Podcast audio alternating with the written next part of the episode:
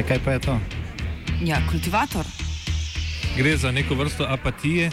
To lahko reče samo kreten, noben drug. Socialni invalid in ga je ne mogoče urejati. Drugi kandidat. Pa, eh, pa pije, kadi, masturbira, vse kako hoče lahko počne. Nihče tega ne ve. Vsak petek skultiviramo dogodek tedna. Lahko po kriterijih radio študent, težko pa po evropskih kriterijih. Ampak na drug način, kot vi tu mislite. Kultivator vedno užge. Da pač nekdo sploh omenja probleme, ki so, in da pravzaprav sploh nekdo sproži dogajanje uh, v družbi. To drži, drži. Govoreči Tom, molčeči novinarji.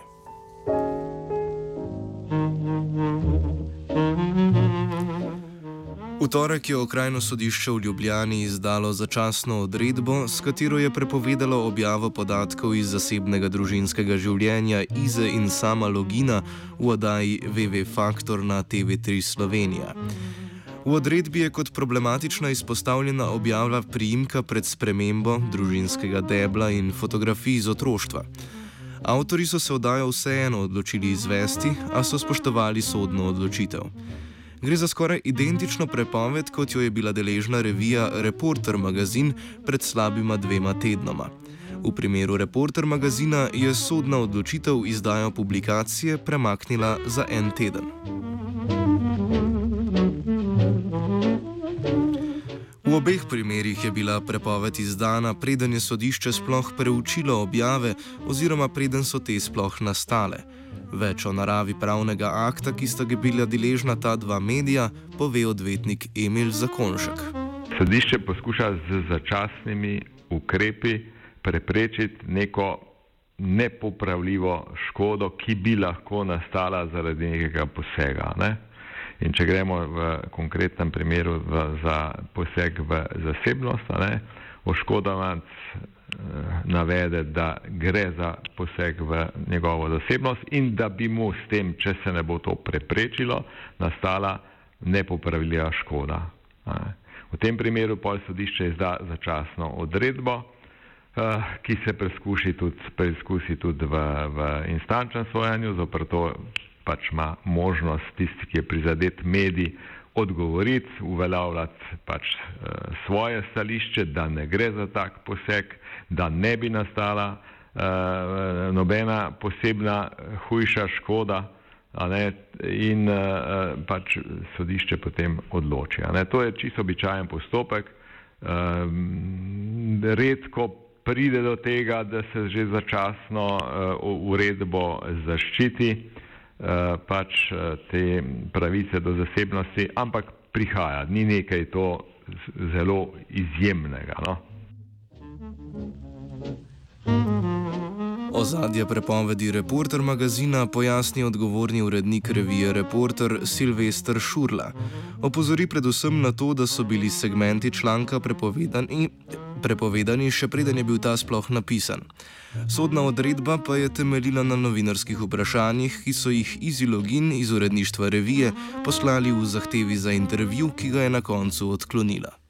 Ta članek v bistvu sploh še ni šel, ni smel iziti ker mi smo pred eh, en dan, eh, preden bi šla revija v distribucijo, dobili začasno odredbo sodišča, v kateri je en kup enih prepovedi, med drugim tudi ta, da ne smemo mi objaviti, to piše eksplicitno, njunih prvotnih imen in primkov. V nasprotnem primeru eh, nam grozijo zelo visoka globa od 100 tisoč evrov do milijona evrov. In mi smo bili prisiljeni eh, En dan pred, eh, preden bi mogla revija iti v distribucijo, jo umakniti in jo potem novo verzijo cenzurirano izdati en teden zatem.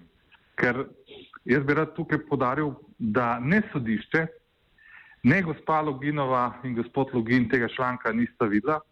Sodišče je samo to sporno odredbo sprejelo na osnovi nekih insinuacij, pol resnic, celo neresnic, ki jih je v vlogi za izdajo začasne odredbe dal odvetnik, eh, njun odvetnik Janez Tušek. Eh, skratka, zadeva je popolnoma ne samo nenavadna, na nek način tudi nora. Ne. Mislim, če v času bivšega režima, eh, ko je eh, bil išel kakšen članek o eh, tedanji oblasti, so imeli v tiskarni kakšnega cenzorja, ki je ta članek prebral in ga videl in ga potem prepovedal, tukaj pa tega članka nišče ni videl.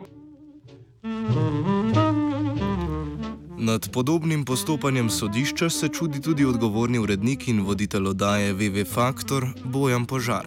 No, jaz sem se že soočal z začasnimi odredbami, ampak začasne odredbe so vedno bile izdane, ne, recimo po objavi uh, člankov, ne, ko je recimo pač nekdo, ki je se čutil prizadetega, je prebral članek in je tam opazil mogoče kakšen stavek ali dva, ki mu pač zaradi katerega se je čutil, mislim, pač mislil, da ne bi smel biti objavljen, pač prosil začasno odredbo. Ne, jaz sem doslej mislim, da so bile te odredbe, videl sem jih že več, no, doživel sem jih že več, pa eno, dve sta bili mogoče uspešni in so tudi obstali, uh, ostale pa ne, ne. Ampak tukaj sem se pa prvič soočil z začasno odredbo za nek novinarski izdelek, ki ga sploh še ni bilo, ne, za katerega še niti jaz nisem vedel, da bo, ne, uh, kakšen bo. No. Recimo, jaz sem se pač odločil, da mi prejšnji torek naredimo oddajo uh, na temo pač te. Te, tega poskusa cenzure, zakon celogin, ki ste pač prepovedali reporter, uh, še prednji je bil pač članek objavljen to se mi je zdel kot fenomen. Skratka, to je bil namen podaje, da se bomo pogovarjali o tem, kako je možno nek članek prepovedati, ki ga še ni. Uh, drug, drug del oddaje pa je bil namenjen v principu motivom zakoncev login, uh, zakaj so se odločila za tak poskus cenzure. Ne? In uh, takrat, ko smo, in pač zato sem tudi med uh, povabil, pač med gosti tudi Silvestra Šola, ki je pač odbodil urednik časopisa oziroma revije, ki se je bila prepovedana. Ne?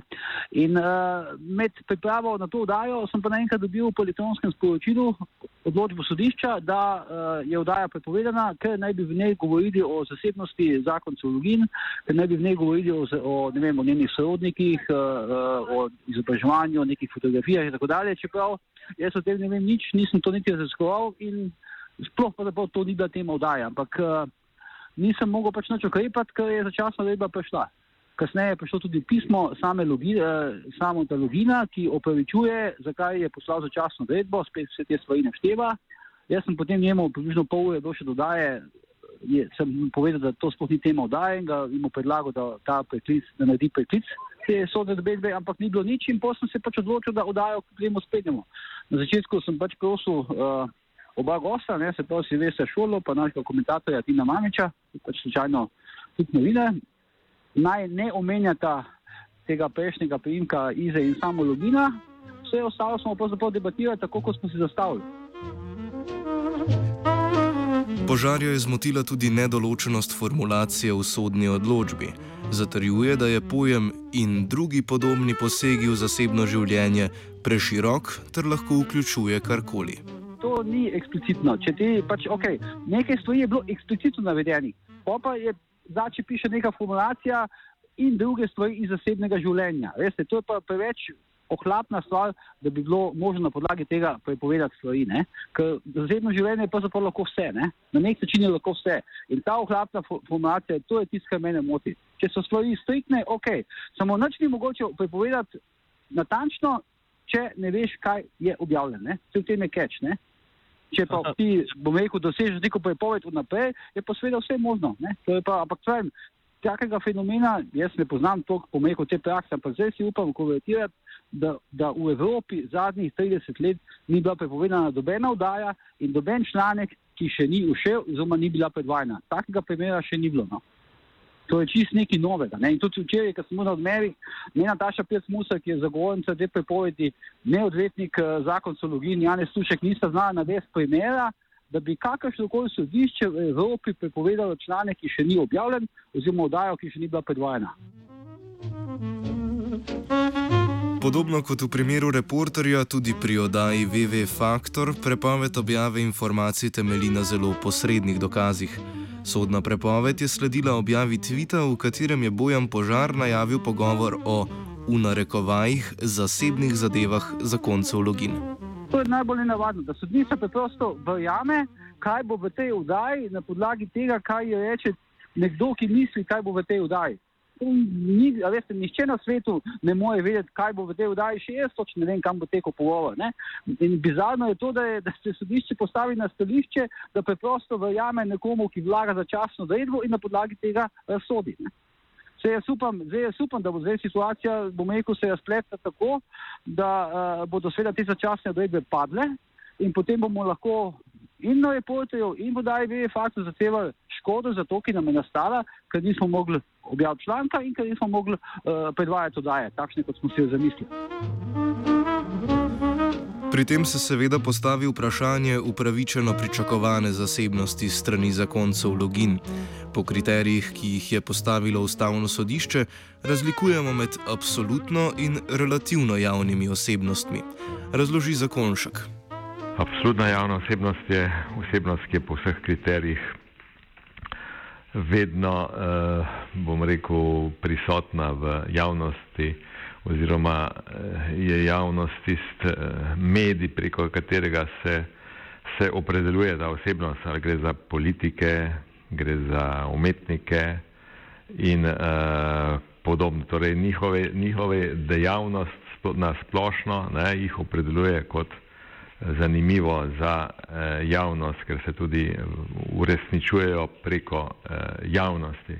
Relativne eh, javne osebnosti so pa tiste, ki so vezane na nek dogodek, ne, na nek, eh, neko, neko konkretno okoliščino, ki je eh, deležna javnega interesa in so povezane s tem dogodkom. Ne. Uh, recimo tudi, ne vem, lahko je zdravnik, lahko je odvetnik v primeru nek, v nekem procesu, je relativna javna osebnost. Od prej omenjene klasifikacije je odvisna tudi dovoljena stopnja intenzivnosti posega v zasebnost posamezne osebe. Jasni kriteriji niso izoblikovani, zato sodišče to presoja od primera do primera. Pri teh absolutnih javnih osebnostih, ki uh, same nastopajo v javnosti, ne, so te kriteriji, do kje se lahko uh, gre pri poročanju o njihovih dejanjih, ravnanjih, lasnostih, so dosti bolj široki kot pri relativnih javnih osebnostih. Ne. Pri re relativnih javnih osebnostih se veže na tisti konkreten dogodek, na njihovo ulogo, ki jo imajo pri nekem konkretnem uh, dejanju. Ne pri absolutnih javnih osebnostih, politikih, eh, umetnikih eh, in tako naprej, pa, se pa širše to tolmači. Ne, se še je možen širši poseg v, tudi v delno v njihovo zasebnost. Ne. Silvestr Šurla natančneje opisuje, kakšna bi bila zdaj prepovedana vsebina. V zadnjih eh, treh tednih se mnogo špekulira, kaj naj bi v tem članku bilo. V tem članku ni ničesar prav spornega, je zelo pozitiven do zakonca login. Uh, mi smo pač želeli samo popisati uh, zgodbo, poslovno zgodbo, ki se je rodila na podoben način, kot uh, imamo recimo podobne biografske zgodbe o uh, največjih računalniških gurujih na svetu, kot sta Bill Gates ali pa Steve Jobs. Uh, tam je v javnosti znano in so to neautorizirane biografije, posneti so celo filmi, kdo so bili njihovi starši, kdo so njihovi sorodniki.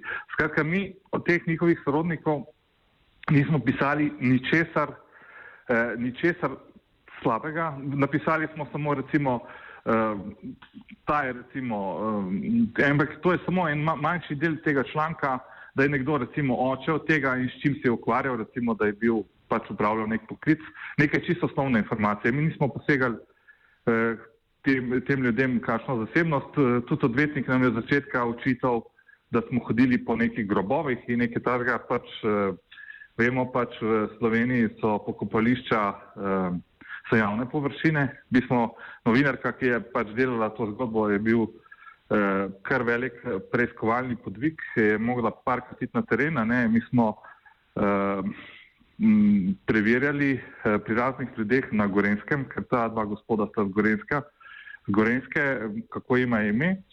Eh, in na zadnje, na zadnje potem smo njuno prvotno ime na, našli v javni publikaciji na eni od gorenskih gimnazij, eh, kamor sta gospod in gospa Login hodila hodila v, v, v srednjo šolo.